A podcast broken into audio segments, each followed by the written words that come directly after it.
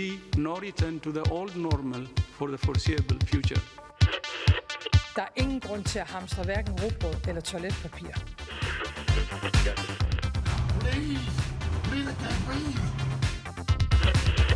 No politician in history has been treated worse. To use this beautiful game to actually change the world. Хотел бы ещё раз. поблагодарить всех, кто сделал свой ответственный выбор. We will succeed, and that success will belong to every one of us.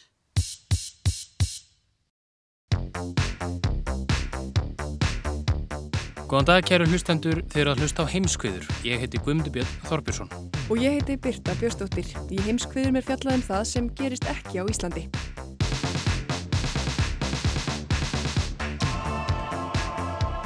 Við ætlum um víðan völl í heimskviðum í dag, en reyndar mest í vestur.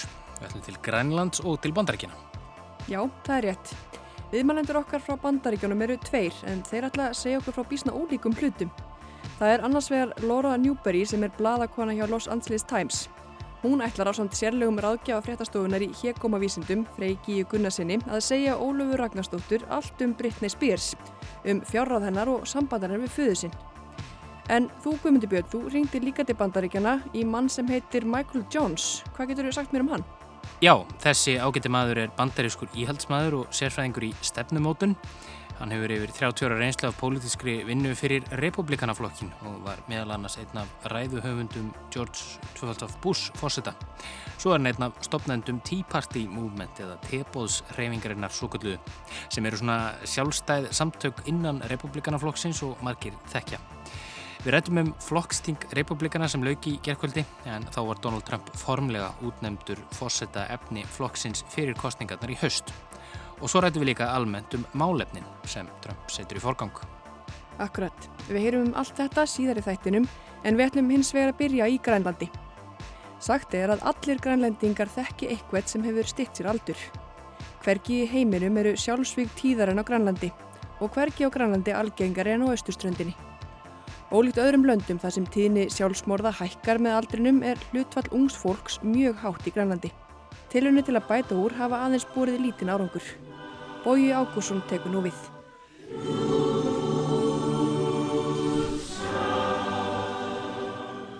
Kirkjukórin í Tasilak á Östur-Grænlandi söng grænlenska sálminn Guð er öllum æðri. Upptakan er frá jólum 2017. Söpniðurinn í Tasilak hefur á undanförnum árum mátt sjá á bak mörgum sem hafa í örvinglan og örvæntíku stitt sér aldur. Þau eru lögð til hvílu í kirkjugarðinu við Tasilak sem nefndur er blómadalurinn vegna litríka blóma sem aðstandendur látin að leggja á leiðin. Blómadalurinn er einni heiti nýrar skáldsögu eftir Nývjak Corneliusen sem fjallar um sjálfsví ungs fólks á Grænlandi. Corneliusen er þekktur rítumundur þrátt fyrir ungan aldur. Hún er þrítug, hún hefur verið tilnefnd til bókmentaveluna Norðurlandaráðs og bækur hennar hafa verið þýttar og tól tungumál. Corneliusen hefur verið framalegi hópi fólk sem hefur reynd að berjast gegn sjálfsvígum sem næstum mætti kalla faraldur. Tíðni sjálfsvíga er hvergi herri í öllum heiminum en á Grænlandi. 45 grænlendinga stýtti sér aldur á síðasta ári.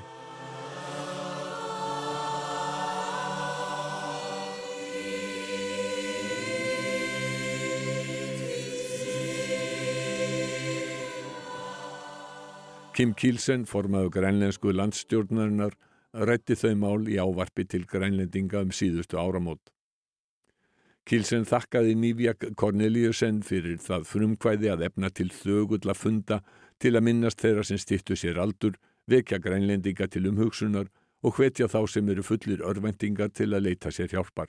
Nývjak Corneliusen, sjúlinnium í allartittisok, миннуунгитсумиллу иллоқарфиннарлалинни сулиқаатаарасуппассуит ингерлаақатигиннэрмилу пеқатаасорпассуарнут тамассинну Þó að boðskapurinn sé þögull heyrum við, sagði Kílsen. Ólíkt öðrum löndum þar sem að tíðinni sjálfsmorða hækkar með aldrinum er hlutfall ungs fólks mjög hátt á Grænlandi. Sjálf sagði Nývjak Corneliusen í viðtali við grænlenska ríkisjónvarpið KNR að hún inni með mörgu ungu fólki og því fyndist það ekki hafa neitt stað til að leita til. Kerfið ætti engin svör. Ofmargir lendi í þessum aðstæðum og fengi ekki skjóta hjálp. Sulisamninni einu stoppa suðsudakatsísarakki daganimot tímidarsinigóðagurannitut bisortetsíut. Ég gati ekki staðið aðgerðalös hjá, ég varð að gera eitthvað og emdi því til þessara þögglu mótmæla, saði Corneliusen. Tasilak er stæsti þjættbílistæðurinn á austur Grænlandi þar búa um 2000 manns. Það er um 760 km frá Reykjavík til Tasilak.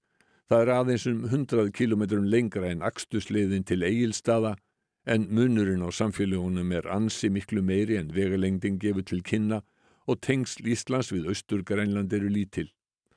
Það er helst þau samskipti sem skákfélagi Rókurinn hefur staðið fyrir Félagið hefur kent grænlenskum börnum skák og emt til háttíða.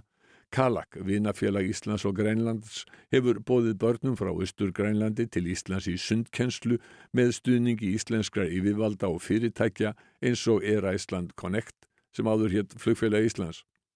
Flugfélagið hefur einmitt flógið áratugum saman til Kulusuk sem er 250 mann á Þorp næri Tasilak.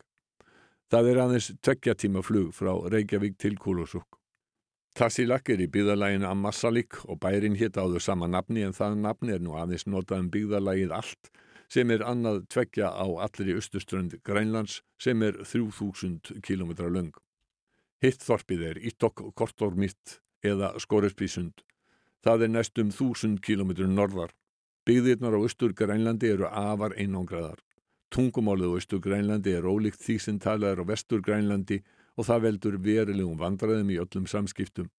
Atvinnuleysa á austur Grænlandi er yfir 20% eða um þrefalt meira enni í núk og lífskjör eru helmikið lakari. Nývijak Corneliusen sagði í viðtali við Danska ríkisjónvarpið að hún hefði sjálf kynst ungu fólki sem hefði reynt að stýtta sér aldur, hjálp yfirvalda, kervisins væri lítil. Þegar samþygt hefði verið að aðstóða fólk þyrti kannski að býða í 2-3 mánuði eftir viðtali við danskan sálfræðing. Øh, og når de så siger ja, øh, jamen så skal de lige vente på måske 2-3 måneder på en øh, dansk psykolog, som de skal snakke sammen via Skype. Viðtalið við sálfræðingin væri um Skype, saði Corneliusen. Netsamband við Tasilak væri mjög slæmt. Það þyrti tólk sem kannski miskildi fólk að því hann skildi austur grænlensku ekki nógu vel. Corneliusen segir að vissulega hafi landstjórnin ákveðið að grípa til aðgerða til að reyna að hindra sjálfsvík með áætlunum, samhæfingu viðbræða og miðstöð sem örvæntinga fölk fólk gæti leita til. Vandamáli væri hins vegar að veri væri að skera niður í félagsþjónustu og miðstöðin hefði aðeins eitt starfsmann. Består af en person i kommunen Rafik som Mosor, som er den største kommune i Grønland. Nivjak Corneliusen sagði einnig að hjálparlína væri aðeins opinn í nokkara klukkutíma en þyrsti að vera sólarhingst þjónusta. En hverjar eru ástæðu þess að sjálfsmórð eru svo tíð á Grænlandi sem raunberi vittni? Guðmundur Þorsteinsson hefur búið áratugum saman á Grænlandi og starfað með fólki sem á undir högga sækja bæði unglingum og fullotnum fólki. Hann er nú forstuðum á Kófósskóli í Núk þar sem reynd er að virkja fólk sem hefur orðið utanveldu í samfélaginu. Ég held að sé engin einu skýring til að því fyrirbæri. Það sem að ég tók eftir var að ég fór að blaða svolítið í, tölfræði þetta byrjar á sjönda áratugnum og, og hefur svo haldist bara eiginlega tölurnar hafa í rauninni verið þær sömu allavega síðustu 20-30 ár. Menn benda á að það sé, það sé gríðalega félagsleg vandamál á Grænlandi, alkoholismi, fíknefnanisla og það geti blandast inn í þessa hái sjálfsmórstíðinni. Já, sjálfsögur gerða það að einhver liti allavega hefur allavega ef það getur sagt að já, ekki sérstaklega fælt að segja það svona en það hefur hjálpað til þálega hjá mörgu ungu fólki að hafa drukkið áfengi til að og kjarkjum til að gera hluti sko. ég held að það sé ekki endilega ástæðan fyrir því að þau hafa gert þetta og þetta er ekki bara ung fólk sem hefur verið í, félagslegum vandamöð þetta er líka ung fólk sem hefur haft ákendis líf og fjölskyldu og annað þannig að þetta er ekki bara þetta reykja þetta til, til hérna viknefna mislu eða félagslega vandamála. Guðmundur nefnir að mörgum grænlendingum hafi reynst erfitt að laga sig af því samfélagi sem reynd var að skapa á Grænlandi. Það virðist vera allavega sem að ég kemst mest það sem maður að kalla framfróun uh, það er erfitt að vera eða ungu grænlendingur sérstaklega á svonu stöðum í Grænlandi þar sem þetta skeið, þar sem maður kallar á dönsku er það úðvikling uh, sem endilega þarf ekki að vera einhver framfróðun í, í þeirra huga. Sko. Þetta er fólk sem er af öðrum uh, ja, kynstofni, öðrum, þetta er annað þjóðfélag, heldur er okkar norræna þjóðfélag. Við, við erum að þjóðfélag sem stendur á gríðarlega sterku eftir af mínumati heilbriðu grunni er, fólk hefur lifað af í hundruður ára, jafnveil þúsundur ára á, á, á þessum hérna, innúitt lifnarætti sem, sem að svo fljó, mjög fljótlega fjallagst raunveruleikan fyrir sko. Getum að sagt að þetta sé áreikstur tvekja ólíkra menningar heima? Já, ég meina það er ekkert, það er alltaf vegna það sem að um síðustu ára þegar maður veður lítið aðeins eldri sko að vera að tala við fólk sem, að, sem að hefur verið í félagslegum vandamálum og, og fyrir að tala bara við um líðu og tilverðin þá finnum maður það ofta á fólki að það, það sem er ef, maður, maður missir e, identitét sjálfs, sjálfsmynd og sjálfsvirðingu og ekki minnst ef maður missir menninguna sína sko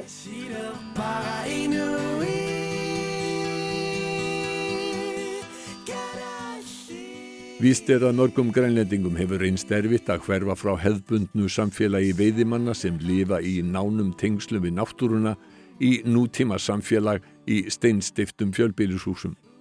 Hljómsveitin Nanuk hefur gert þetta yrkisefni. Kristján Elsner, söngvar á lagahöfundu, lísti í viðtali við Al Jazeera sjónastöðina að hann þekkti sjálfsvíg úr eigin vinnahópi. I actually have a picture, a photo uh, with me and two of my friends. We were going to Denmark for a, a trip, school trip, for three weeks, and I'm the only one left on, on that photo.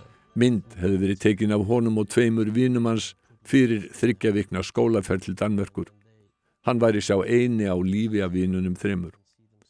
Hljónsveitin vildi hjálpa fólki að tólka tilfinningar sínar, kannski gæti fólk séð sig sjálft í tekstunum og það orðið til hjálpar.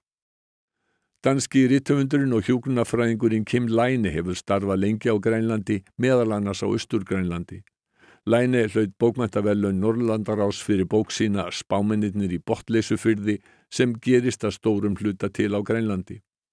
Læne hefur á nokkur leiti aðra skýringu á fjölda sjálfsvíga á Grænlandi. Sådan som jeg har oplevet det efterhånden, det har været som om det har været et slags ungdomsoprør at begå sindmord.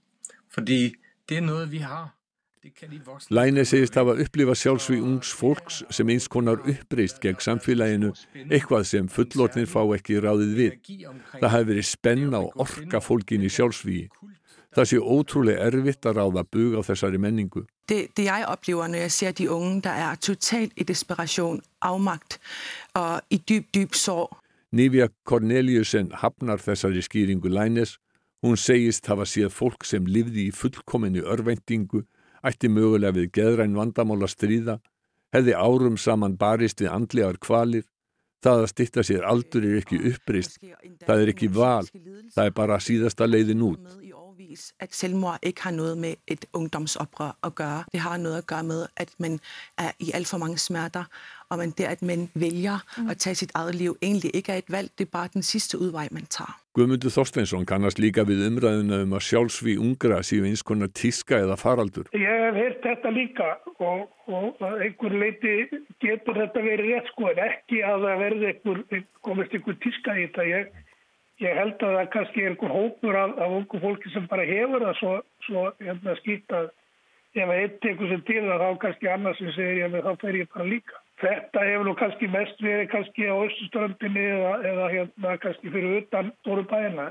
Hérna. Þetta hefur skeið, ég hef hört þetta en, en ég held að það sé, sé þetta sem að skeiður. Það er, að, að kannski einhverju krakkar sem að hafa þetta regla, regla erfitt og það, ég held að þetta sé sko, maður verður að, verður að ræða þetta sko, kannski ekki alveg rétt hjá honum og alveg, ekki, alveg rétt hjá mér en maður verður að brjóta tapuð upp sko. Þekking okkar og eins og, eins og hún Livia, hún, hún er að gera góða hluti stelpann með að skrifa sína bækur og hún er að brjóta tapuð sko.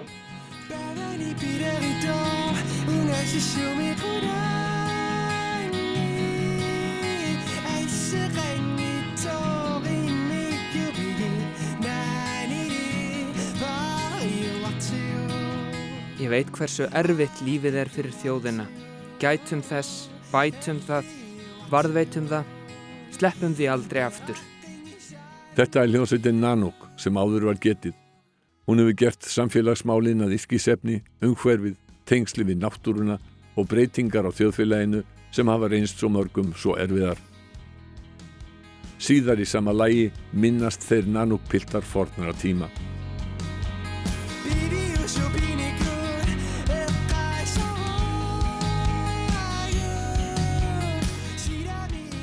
Við sjáum hinn að liðnu aðeins sem ímynd, brosandi andlit, börnað leik, stolta þjóð sem þekkir eigið virði.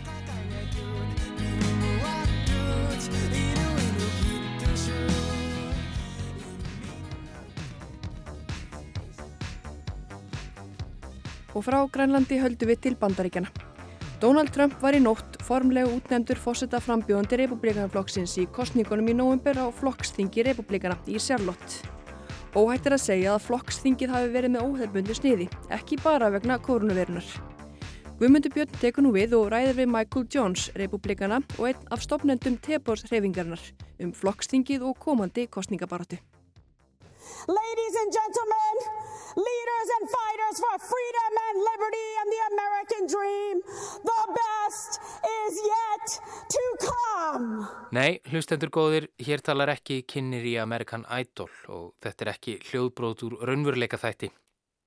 Hér talar Kimberly Ann Guilfoyle, nýjasti meðlimur Trump fjölskyldunar og núverandi kærasta Donalds Trump yngri, elsta sonar fósettans. Trump yngri og Guilfoyle byrjuði að stinga saman nefjum fyrra á árinu og á mánundaskvöld held hún þessa líka þrumu ræðu á flokkstingi republikana í Charlotte í Norður Karolínu. Hún er langt í frá svo eina ár nánustu fjölskyldu fórsetan sem tók til máls á nýjafstöðnu flokkstingi.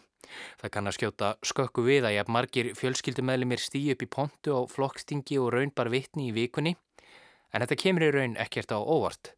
Donald Trump hefur margóft sínt að hann fer sínar eigin leiðir og hundsar viðteknar vennjur. Þessi óvinnjulegi stjórnmálamaður leggur nú af stað í sína stærstu baróttu til þessa, en það er eins rúmir tveir mánuðir þar til kosið verður til fórseta í bandaríkinum. Samkvæmt nýjustu skoðanakonunum hefur Joe Biden, mótframbjöðandi Trumps úr röðum demokrata, gott forskót á sítjandi fósita. En það segir ekki alla söguna, því björnin verður unnin með sigri í barótturíkunum svo kalluðu, þeim ríkjum þar sem hvorugur frambjöðandin á sigurinn vísan. Eins og sagan hefur sínt í gegnum tíðina, þá skiptir það ekki öllu máli hvort frambjöðandi fái meiri hluta atkvæða. Það eru kjörmennir sem telja. Hvernig sem kostningarnar fara í haust verður fósitatíð Donalds Trump lengi í minnum höfð. Hann er að byggja múr á milli bandaríkjana og Mexiko, hefur tekið harða afstöði í innflytendamálum, á í stríði við fjölmila sem hann segir flytja falsfrettir, hefur tekið upp hanskan fyrir kvítum þjóðurnissinnum og talað fyrir herðingu laga um þungunarof, svo fátt eitt sé nefnd. En fyrst og síðast hafa bandaríkin klopnaði tvent á fósitatíð Donalds Trump, í þau sem eru á móti honum og í þau sem eru með honum. Þar veriðist engan milliveg að finna. Í heimskuðum í dag er rætt við mann úr síðarnemndaliðinu um flokkstingið og hvernig republikanar líta á baráttuna sem er framöndan. Michael Johns, I have uh, over 30 years of experience in American public policy and politics. Uh, Þetta er Michael Jones, meðlemur í republikanafloknum, sérfræðingur í stefnumótun og auðverkismálum og einn stopnenda tebóðsreyfingarinnar svo kalluðu eða Tea Party Movement. Tebóðsreyfingin er íhaldsami armur flokksins og margir af helstu stuðningsmönnum fósettans kenna sig við reyfinguna. Jones starfaði sömulegis í kvítahúsinu í fósettatíð George Tuffeltoff Bush og var ræðuhöfundur fósettans. Hann hefur unnið fyrir frambóð Trumps bæði nú og fyrir fjórum árum og stutt fósettan frá fyrsta degi. Jones fylgist vel með nýjafstöðnu flokkstingi og tekur ekki undir þá skoðun mína og margra stjórnmálaskýrinda að það hefur verið ansi sérstakt að horfa á svo marga úr nánustu fjölskyldu fósettans taka til máls á þinginu. You know, uh, you know, a number of uh, family members who have been highly politically engaged, including it serving in the administration, so they offer both a testament, I think, to him as a parent um, on a more personal level and Jones bendir á að fjölskyldumeðlumir Trumps hafi gengt mikilvægum stöðum í kvítahúsinu og þeir beri Trump sem föður fagran vittnisspörð en einnig stefnu hann svo framtíðarsín. Það er vissulega rétt, Erik Trump, sonur Fossettans, sagðist vera stoltur af föðu sínum. I'm proud of what you are doing for this country. I'm proud to show my children what their grandfather is fighting for. I'm proud to watch you give them hell. Never stop. Og Tiffany, yngstadóttir Fossettans, myndi flokksmenn á að ef einhver geti reist við efnahag landsins, þá væri það pabbi gamli. My father built a thriving economy once and believe me, he will do it again. Og svo mætti lengi telja. Donald Trump yngri, Lara, eiginkona Eriks og kostningastjóri Fossettans og Fossettafrúin Melania voru meðal þeirra sem sömulegðis tóku til máls. En auðvitað líka aðrir mektar menn innan flokksins, þar á meðal Mike Pence var að fósiti. We stand at a crossroads, America. President Trump has set our nation on a path of freedom and opportunity. Joe Biden would set America on a path of socialism and decline. Við stöndum á krosskutum gott fólk, sagði varafósitin, ef þið viljið frelsi, þá er Trump ykkar maður. Ef þið viljið sósialism á hnignun, þá er Joe Biden ykkar maður. Svo mörg voru þau orð. I uh, thought it was important to see the Vice President speak from Fort McHenry uh, last night. That's where the lyrics of Star Spangled Banner were originally written. Michael Jones segir mikilvægt fyrir republikana að Pence hafi tekið til máls og það á sama stað og textin við þjóðsöng bandaríkjana, Star Spangled Banner, var samin. Varafórsetin hafi mynd fólk á afreg Trumps á fyrstu þremur árum fórsetatíðar hans en einnig á allt það sem Trump hafi afregað á meðan kórunuveiru faraldurinn hafi geysað. Successful management really of this condition. That's tough to say when we have almost 200,000 people who've died from it. Það sé erfitt þegar um 200.000 manns hafi látist af völdum faraldursins í bandaríkinum. Já, maður myndi ætla að það sé erfitt að færa rauk fyrir því að fórsetin hafi staðið sig vel í koronaviru faraldrinum. Í heimskuðum hefur áður verið rætt um slæg viðbröð hans við útbreyslu faraldursins í upphafi og hvernig hann hafi gert lítið úr alvarleika koronavirunar. Hvergi hefur koronaviran sem veldur COVID-19 haft harkalegri áhrif en einmitt í bandaríkunum. En republikanar á borðið Michael Jones er á öðru máli og einblýna á björtu hliðarnar. Þróun bóluefnis gangi vel og það hefur alltaf verið til nóg af öndunarvélum í landinu. And really, I don't think there's any American who's died for, from a lack of federal governmental resources or support. Uh, the vaccine's moving forward at rapid speed. Uh, there was never any ventilator crisis.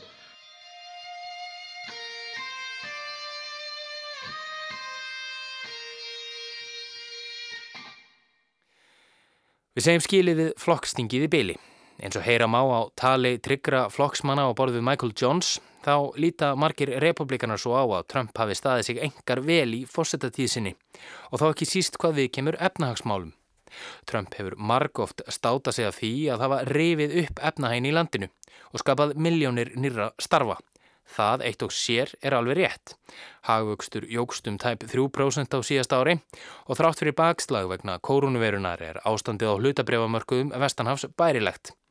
Jones segir mikilvægt fyrir Trump að halda áfram að hamra á ymmit þessu í kostningabaratunni og því séu efnahagsmálinn eitt mikilvægasta kostningamálið.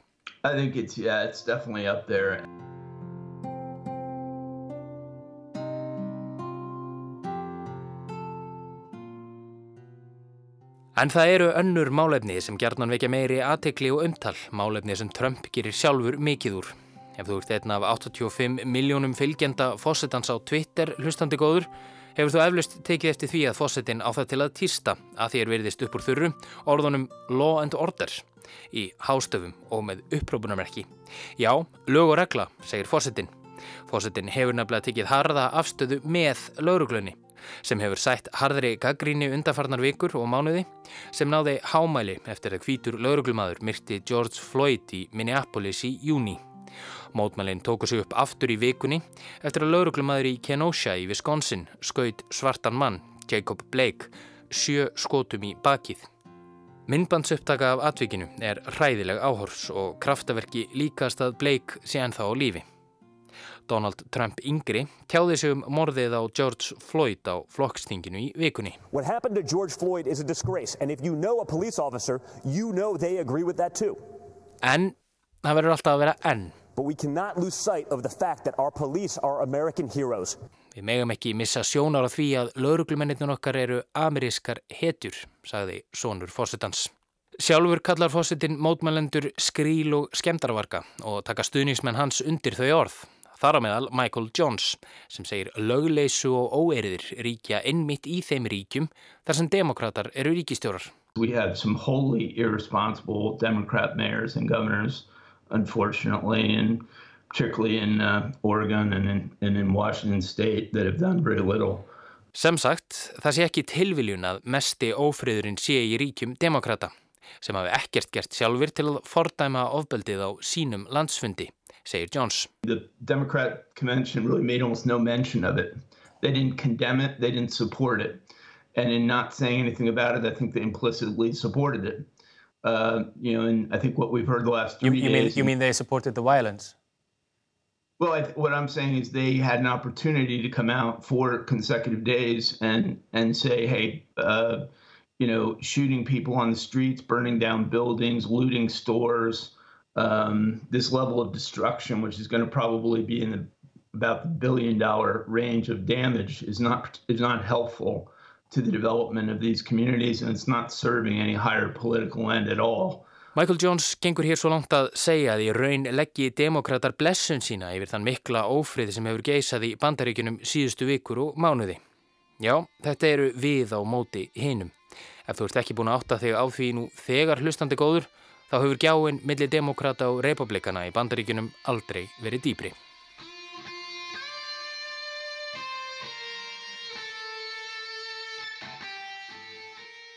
En svo margóft hefur verið komið inn á í heimskviðum hefur skautuninn eða pólariseringin í bandarískum stjórnmálum og bandaríkunum almennt aukist jamt og þjætt frá því Trump tók við ennbætti. Og það eru einmitt umdeldustu málinn sem Trump virðist verið að setja í forgang nú þegar kostningabaróttan er að hefjast fyrir alvöru. Tökum tvö dæmi. Framlýna demokrata hefur talað opinskátt um mikilvægi þess að lögum þungunarof séu ekki hert og konur hafi fullan rétt yfir einn líkama. Áður en Trump fór í fórsetaframbóð var hann sömulegis fylgjandi þessum rétti en skiptum skoðun þegar hann fór í frambóð og hamrar nú á mikilvægi þess að herða lögin. Hann fekk meira að segja nunnu, já nunnu, sýstur Deidre Byrne til að taka til máls á flokkstinginu. Donald Trump is the most pro-life president that this nation has ever had, defending life at all stages. Donald Trump er mesti pro-life fósetti þessara þjóðar, segir sýstir Byrne en húttekið pro-life er notað um andstæðinga þungunarófs. Hann ver réttin til lífs á öllum stegum og trúir því að lífið sé heilagt, segir hún. Og undir það tekur viðmælandi minn, Michael Jones. On the other issues, I mean abortion, uh, this president has been very respectful and committed to the protection of unborn life. Og svo er annar mál sem er ekki síður hitamálum þessar myndir sem republikanar hafa tekið einarða afstöðu gegn. Það er cancel-kultúrin svo kallaði eða útilókunar menningin. Stundum er talað um að vera cancelaður eða útilókaður þegar einstaklingar sem hafa gerst brotlegir á einn eða annan hátt eru teknir af dagskrá í orðsins fylstu merkingu. Republikanar verðast telja demokrata utula baróttumenn fyrir því að fólk sé sett út af sakramentinu án dóms og laga fyrir eitthvað sem það hefur gert eða sagt. He knows that political correctness and cancel culture are dangerous. Á flokksfundinum í vikunni var ljóst að ræðumenn og konur lögðu áherslu á að republikanar væru ekki þannig. Skipilegindur fengu meira að segja Nick Sandman sem var heimsfrægur á nokkrum klukkustundum í janúar á síðasta ári til að tala á ráðstöfnunni. Sandman, sem þá var í mentaskóla, hafði staðið augrandi og glottandi fyrir framann hóp innfætra bandrækjumanna sem mótmæltu fyrir framann Lincoln minnismerkið í Washington D.C. Ekki nóg með það, þá var hann með húfuna frægu á höstnum, þessa rauðu sem ástendur Make America Great Again. Netverjar tættu í sig Sandman og sökuðu hann um rasíska tilbyrði. Cancelled is what's happening to people around this country who refuse to be silenced by the far left. Many are being fired, humiliated, or even threatened. But I would not be cancelled. Let's make America great again. Ég læti ekki cancela mig, sagði Sandman á flokkstinginu, gerum bandaríkin frábær á ný. This cancel culture that somehow, uh, you know, individuals um, you know, lose their rights to, uh, you know, literally to employment, to... Uh... Viðmælandi minn Michael Jones segir mikilvægt að republikanar standi vörðum hérna útilókuðu og aðferðir þeirra sem beita útilókunar menningu séu ekkert annað en fasískar, hvorki meirinni minna. These are all essentially fascist uh, tactics that are being used by a movement that claims it's anti-fascist. It's the ultimate irony, really. Þau sem hafa fylst með bandarískum stjórnmálum undarfærin misseri hafa tekið eftir því hvernig orðræða republikana, ótt á sérstaklega fósettans um demokrata, hefur breyst frá því sem áður var. Flokkurinn er nú kallaður sósélesta flokkur, rótækur vinstri flokkur og stuðningsmenn þeirra rótækur vinstri skríl. Fyrir Evrópabúa kann þessi lýsing á demokrautum að hljóma nokkuð hjákallega, en er ansi langt á milli stefnumála Joe Bidens og Kamila Harris annarsvegar og þeirra rótæku vinstirflokka sem viða njóta stuðnings í Evrópu, meðal annars á Íslandi hinsvegar. Michael Jones segir demokrata geta sjálfum séru kent fyrir þennan stimpil. Þeir hafa eitt sinn verið hófsamari en sósílisk hugmyndafræði sé nú að taka yfir flokkin. Party, um, you know, Europe. You see, I think, as you correctly point out, a, a broader divide. They were more moderate than, than socialist parties of Europe. Europe. That's less and less the case. Donald Trump tók sjálfur til máls á flokkstinginu sem var slitið í nótt. Þar áreitaði hann að aldrei hefðu kjósendur áður staðið frammi fyrir tveimur jafn ólíkum flokkum og nú. At no time before have voters faced a clearer choice between two parties, two visions, two philosophies or two agendas. Og það er alveg rétt hjá fórsutanum og það er sömulegis að miklu leiti honum að þakka eða kenna. Það verður eftir í hvernig þú lítur á það. Orð og gjörðir fórsetans á þessu kjörtímabili hafa klófið bandaríkin í tvent. Það er ekkert annarkvort eða lengur. Annarkvort hataru Trump eða elskar hann. Í samtali mínu við Michael Jones fann ég að ég hefði allt eins geta verið að ræða við Donald Trump sjálfan. Það sem hann gerir og segir er rétt að Matti Jones, það sem Biden gerir er ránt.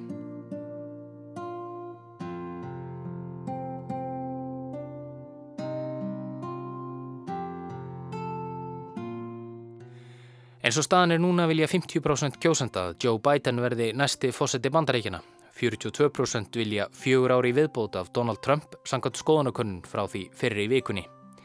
Ef kjósendur eru jafn tryggir sínum frambjöðundum og stjórnmálaskýrindur telja, mætti ætla að Sigur Demokrata sé vísi í kostningunum 3. november. En þetta eru þetta ekki svona einfalt. Kjörmannakerfið svo kallaða gerir það verkum að sá frambjöðandi sem vinnur fleiri ríki vinnur kostningarnar. Það þekkir Hillary Clinton frambjöðandi demokrata árið 2016 á einn skinni. Clinton hlaut fleiri atkvæðin Trump en tapaði mikilvægum ríkjum sem var til þess að Trump hafiði betur. Sigur Bidens í ákveðnum ríkjum þykir örugur og Sigur Trumps í öðrum. En enn eru nokkur ríki spurningamerki og þar verður björnin unnin. Biden hefur eins og sakir standa örlítið fórskot í fleiri barátturíkjum, til dæmis Arizona, Michigan, Ohio, Wisconsin og heimaríki sínu Pennsylvania. Trump leiðir hins vegar í Georgiu, Iowa og Texas. En eitt er víst, næstu tveir mánuðir verða forvitnilegir í meiralagi og gjáun millir demokrata og republikana, gjáun millir bandaríkjamanna sem hafa ólíka sína á heiminn, kemur aðeins til með að aukast.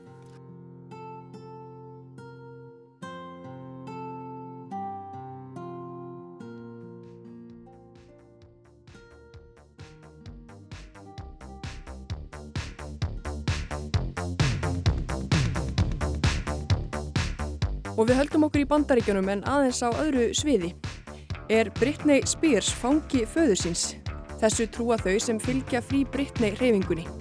Í 12 ár hefur þessi heimsfræga tónlistakona sem oftur kölluð prinsessa Popsins ekki haft yfirráði við fjármálum sínum, nýja öðrum hlutum í sínu lífi. Fadir hennar hefur verið lögraðamaður Britney og nýjustu fregnir herma að hún vilji binda endi á það fyrirkomulag. Óluf Ragnarstóttir kafað ofan í málið og rætti meðal annars við Lóru Newberry, bladakonu hjá Los Angeles Times.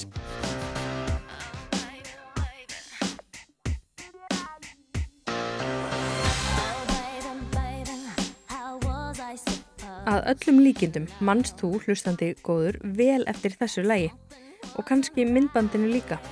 Þar er Britney Spears ekki orðin 17 ára dansandi um á skólagangi í skólastúlku búningi með tvær flettur og bleikar slaufur í hárinu.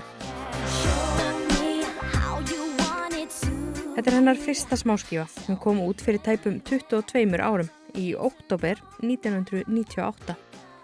Fljótlega var þessi tæplega 17 ára stúlka frá Louisiana í bandaríkjunum heimsfræg. Baby One More Time trónaði á toppi vinsaldalista í minst átjón löndum og er ein af mest seldu smáskifum í heimi, yfir 10 miljón eintök.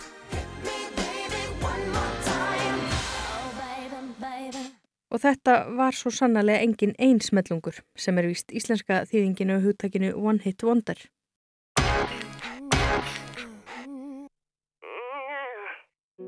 Hver mann ekki eftir rauða nýþrunga latex samfestingnum sem hún klættist í myndbandinu við þetta lag. Upsai Did It Again.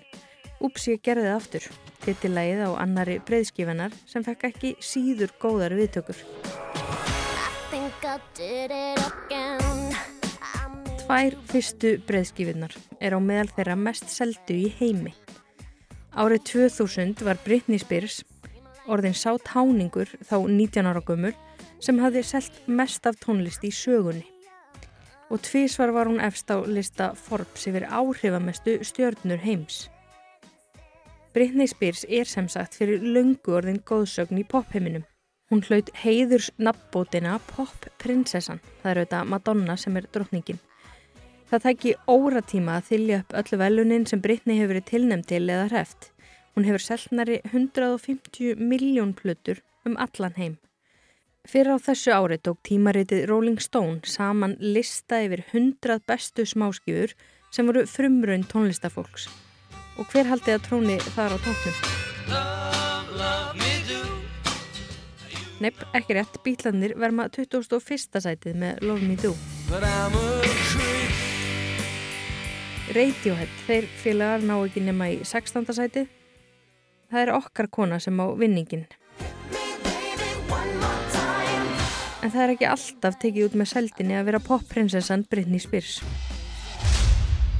In 2007, the pressures of fame led Britney Spears to a breaking point. The 2000 era where you only saw Britney, you know, attacking a car with an umbrella or shaving her head. Freyr Gíja Gunnarsson, frettamæður hérna á frettastofunni, þú ert svona okkar sérfræðingur í frettum af skemmtana innan og Hollywood lífinu. Mannst þú eftir þessu þegar fór að Hallindan fæti hjá Britney Spears? Sko, maður alltaf tengir þetta sem að hefur verið kallað sko meltdown eða þetta bara þar sem að hún brotnar algjörlega niður við þessa myndir sem við sáum af henni þar sem hún rakar af sér hárið 2007 það er svona einhvern veginn það sem að maður tengir einhvern veginn svona helst við þennan, þennan niðurtúr. En, en svo þegar maður fyrir að rifja þetta upp betur þá, þá eru náttúrulega ótrúlega margar vísbendingar um að það hafi farið að hallundan fæti hjá henni mun fyrr. Það eru svona einhverji sem halda því fram að, að upphafi meirunni rekja til þess þegar að, að æsku ástinnanar Justin Timberlake hættir með henni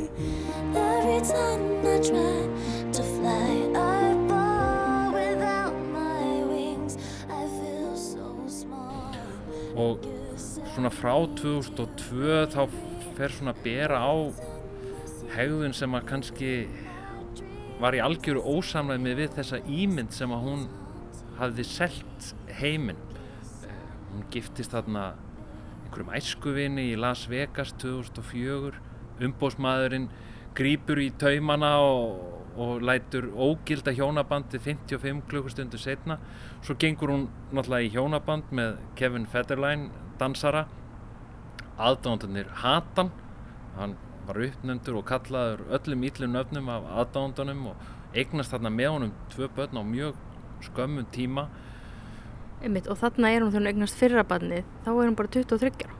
Já, hún er mjög ung en hún er jáfnframt líka sko skærasta stjarnan í, í pop heiminum og þetta gerist allt mjög hratt og svo skilja þau og, og það er einhvern veginn bara þetta breytist í einhvern svona kvirvilbil þetta gerist mjög hratt. Hann sækir um forræði við börnunum af mjög skiljanlegum ástæðum því að hún verðist bara halda þessi gangandi á, á viski og, og, og Kellogg's og, og síkaretum og eiturlifjum og er að taka kókaðin fyrir fram að börnin og, og svo eh, náttúrulega byrtast þessar myndir af henni þar sem hún gengur út af meðferðarstofnun inn á hárgræslustofu og, og, og rakar af sér allt hárið. Hún var, hafði komið fram á, á tónlistarháttið MTVF og, það er bara eitt af sorglegasta sem maður hefur séð svona ótrúlega hæfileika ríka mannesku sem að náttúrulega hafi verið aln upp í þetta hlutverk bara frá þryggjára aldri. Fóreldrarnir voru bara búin að ákveða það að hún ætti að verða stjarnar þeir lindu skilnaðinu sínum í sex ár af því að þeir óttuðu svo mikið að það myndi hafa áhrif á hennar ímynd. Og, og svo eru þessar myndir það sem eru ljósmyndarinnir sitja utanum sitja í kringum hana og, og hún situr inn í sjúkrabíl og hún er svo umkomulaus og svo hjálpar hana. Og það er mjög merkilegt að hugsa til þess núna 12 árum síðar sko ætli fjölmilar myndi fjalla um mannesku sem að augljóslega glýmir við geðsjúkdóm. Á, er augljóslega veik. Hvort þeir myndi fjalla um það með þessum hætti og þeir gerðu á þeim tíma sem að Britney Spears var að veik. Því við náttúrulega bara sáum mannesku sem var að veikjast og varð veikari og veikari og veikari. Og þetta var sölu efni á, í svona götublöðum varðu umfyllanarefni og ég held að sem betur fer er, er þekkingin okkar orðin meiri og, og, og umræðan orðin, orðin meiri um sjúkdama ég held að við myndum aldrei fjalla um mannisku sem að væri að verða svona veik á þann hátt sem við gerðum í kringum Britney Spears. Þegar maður les gamlar fréttur um hana þá töluði aðstofamenn hennar um það að hún ætti til að heyra rattir þóldi ekki að einhver snerti sig. Það var náttúrulega, hún var 16 ára þegar hún gaf út sitt vinsalasta lag. Og það er ekki hægt að ímynda sér álægið sem var á uh, þessari mannesku pluss það að, að hún stýrði aldrei því hver hún væri. Þetta var úthugsað af umbóðsmönnum og fóröldrumennar hún var ákveðin vara og það skildi seljana sem slíka hún átti að vera kynþókafull en hún átti að vera óspjöld hún átti að vera kristinn en jáfnframt líka einhvern veginn að augra öllu þessu. Þannig að þetta það er rauninni bara heimsins skiljanlegin hlutur að hún skuli hafa bara vext af öllu þessu ótrúlega álægi sem á hana var lagt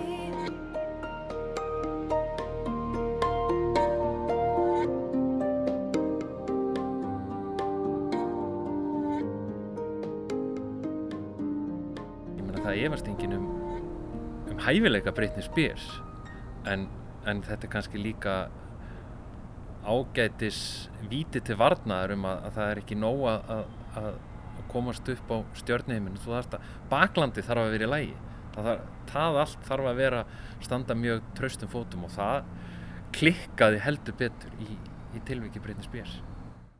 Fallið var hátt. Skærasta stjarnan í popheiminum misti forræðið yfir börnunum sínum tveimur, var svift sjálfaræði og löðin á geðdelt. Þarna heldur flestir að ferðleginnar væri lókið. Britney,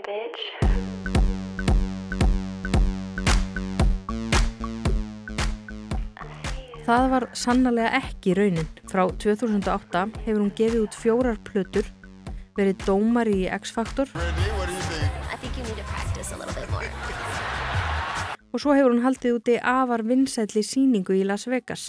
Sagan segir að Britney fái yfir 70 miljónir króna fyrir hverja síningu. Auðavennar hlaupa á miljörðum króna en hún ræður litlu eða eiginlega bara engu um það sjálf í hvað þau fara.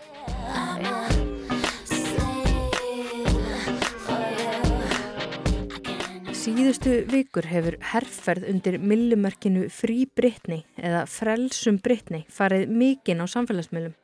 Stór hópur fólk stendur í þeirri trú að Brittany sé í raun fangi föður sinns. Hún hefur verið svift sjálfræði á fölskum fósendum og fadrennar Jamie Spears sem hefur verið lögraðamadurinnar á samt lögfræðingi beri hennar hag ekki fyrir brjósti.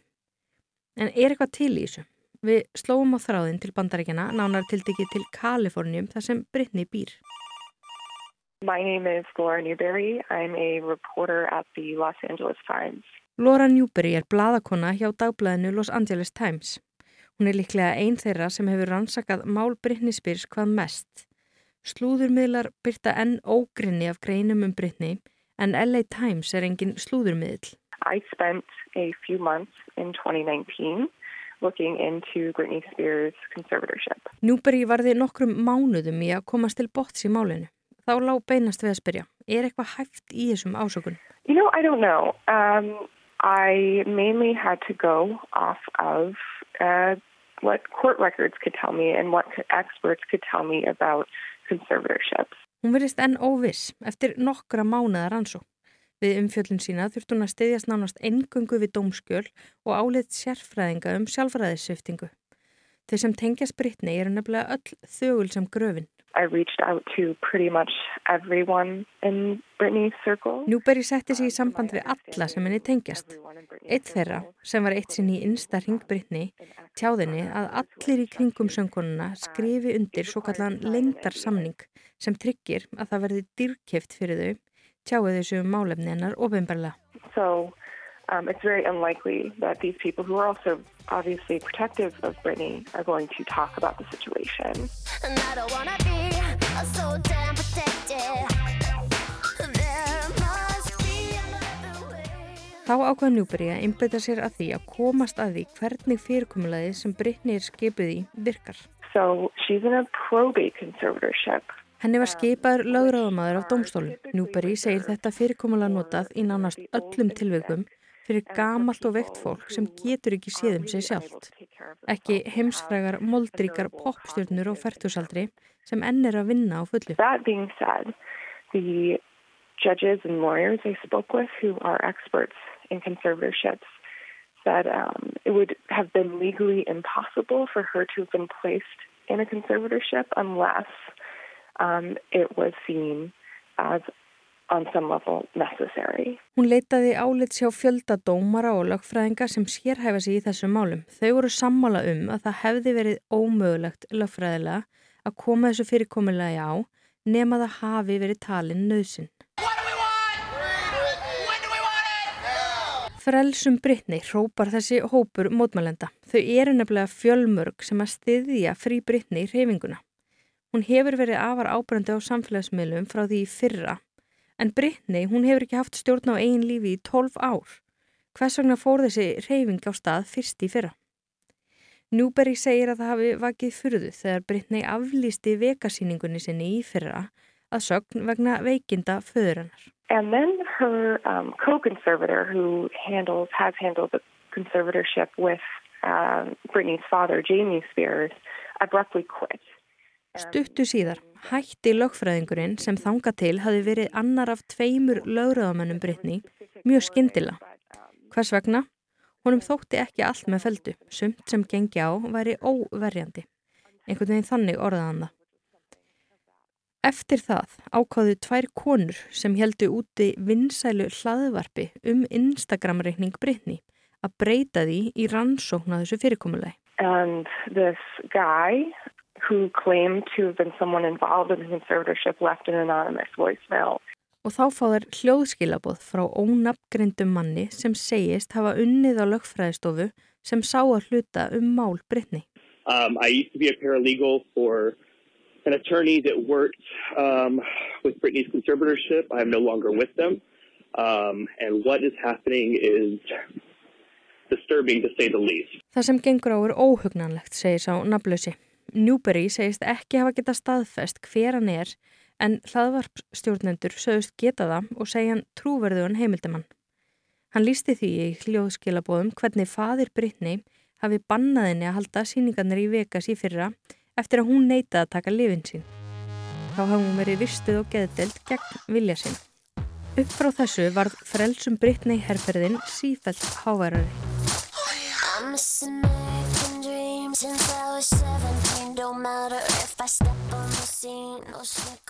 Á dögunum fór bróðir hennar, Brian Spears, í viðtal þar sem hann var spurður út í aðstæður. Það er reyndar dáliti erfitt að lesa í það sem hann hafði að segja. Hann var alls ekki mjög skýr og Þáttastjórnandin þurfti ítrekkað að grýpa inn í og spyrja aftur til að reyna að átta sig. En hann sagði skýrt að Brittany hafi lengi viljað að losna undan fólki sem seginni hvernig hún eigi að haga sér. Well, I mean, think about it. She's been surrounded by people and a team of people since she was 15. So, at what level does everyone just walk away, or at like what level does that get reduced? You know? Paltaðin síði, hún hefur verið umkringt fólki, hópi fólks, síðan hún var 15 ára, segir Brian.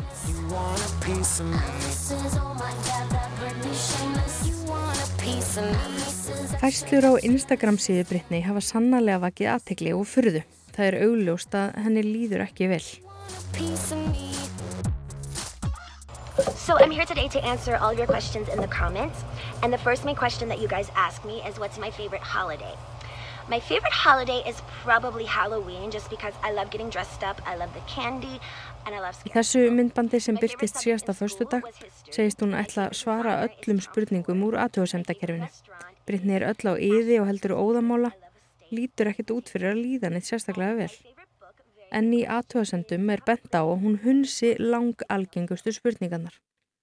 Við nánast hverja einustu fæslu sem byrtist á Instagram hjá Brittany eru þúsundir aðtöðasemda og margar þeirra er á þessa leið.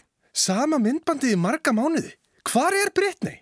Vertu í rauða á næstu mynd ef þú ert í hættu. Ég byð fyrir frelsi þínu. Ég held að Brittany sé dáin. Eða deyð með livjum þannig hún getur ekki eins og staðið upp. Þessi myndbönd eru klárlega tekin upp fyrir lungu. Vertu með takli í háruna á næstu mynd ef þú ert í hættu. Hefur einhver reynd að ringja í neyðarlínuna? Fólk sér þessar fæslur og tvo vegu, segir Newberry. Just see like a, a silly sort of um, person who may have never grown up fully, right?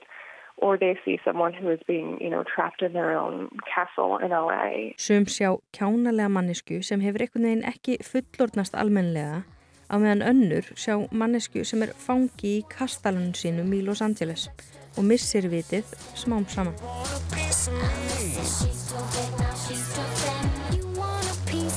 En svo margt sem tengist þessu máli er á huldu hvað nákvæmlega fælst í samkvæmuleginu. En samkvæmt hinnum ímsu fjölmiðlum vestra þá má Brittany ekki keira bíl, hún má ekki kjósa, hún má ekki gifta sig, hún má ekki egna spörn og má ekki eða peningunum sínum nýja heldur ræða fyrirkomulegi sjálft ofinberla. But I can tell you that um, her finances are almost completely controlled by the conservatorship. She can't make major financial decisions. Það sem Newberry getur þó staðfest er að Brittany hefur engin yfiráð yfir fjármálum sínum.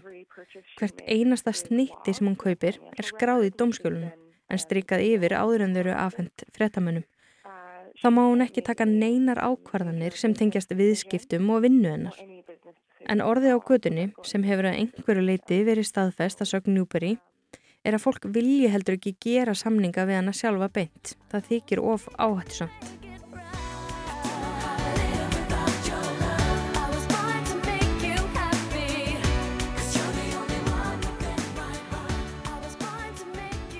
Ég lagði upp með að leið ykkur í allan sannleikanum hægi Brytni Spyrs. Því miður þá virðist það bara ekki hægt, en sem komið er að minnstakosti. Fólkið í kringum hana lekur engu, alls konar kenningar eru uppi sem ekki er hægt að sannreina. En það sem stendur eftir er að í síðustu viku fór Brytni sjálf þess á leit við domstóla að hún fái annan lögröðamann en föður sinn. Í beðninni segir að hún sé ekki mótfallinni að hafa lögröðamann en hún vilji bara ekki að fadir hennar haldi því áfram. Henni var ekki ósksinni. Fyrirkomulagið er framlengt í óbreyttri mynd fram í februar á næsta ári og þá verður beinin tekinn aftur fyrir. Og það er einmitt þetta sem að kom Newberry spánst fyrir sjónir. Að það skuli hafa verið fadir hennar af öllum sem stjórni stórum hluta af lífinnar. Hún varði dágóðum tíma í að rannsaka tengsl innan spýrs fjölskyldunar. It seems that Brittany had a historically contentious relationship with her dad, Jamie. Newberry komst að því að samband feðginana hefur nánast alla tíð verið stormasamt. Hann drakk eða drekkur of mikið, var ekki alltaf til staðar og það er því skrítið að hann hafi verið valinn í verkið. You know, you would think that whoever might be controlling much of your life uh, would be someone that you didn't have a, a rocky road with throughout your childhood and early adulthood. It's a really sad story.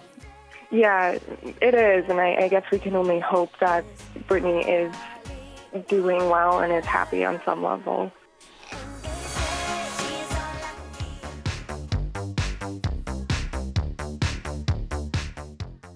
Þessi umfjöllun Ólafar um Britney Spears slær loka tónin í heimskuðunar okkar að þessu sinni.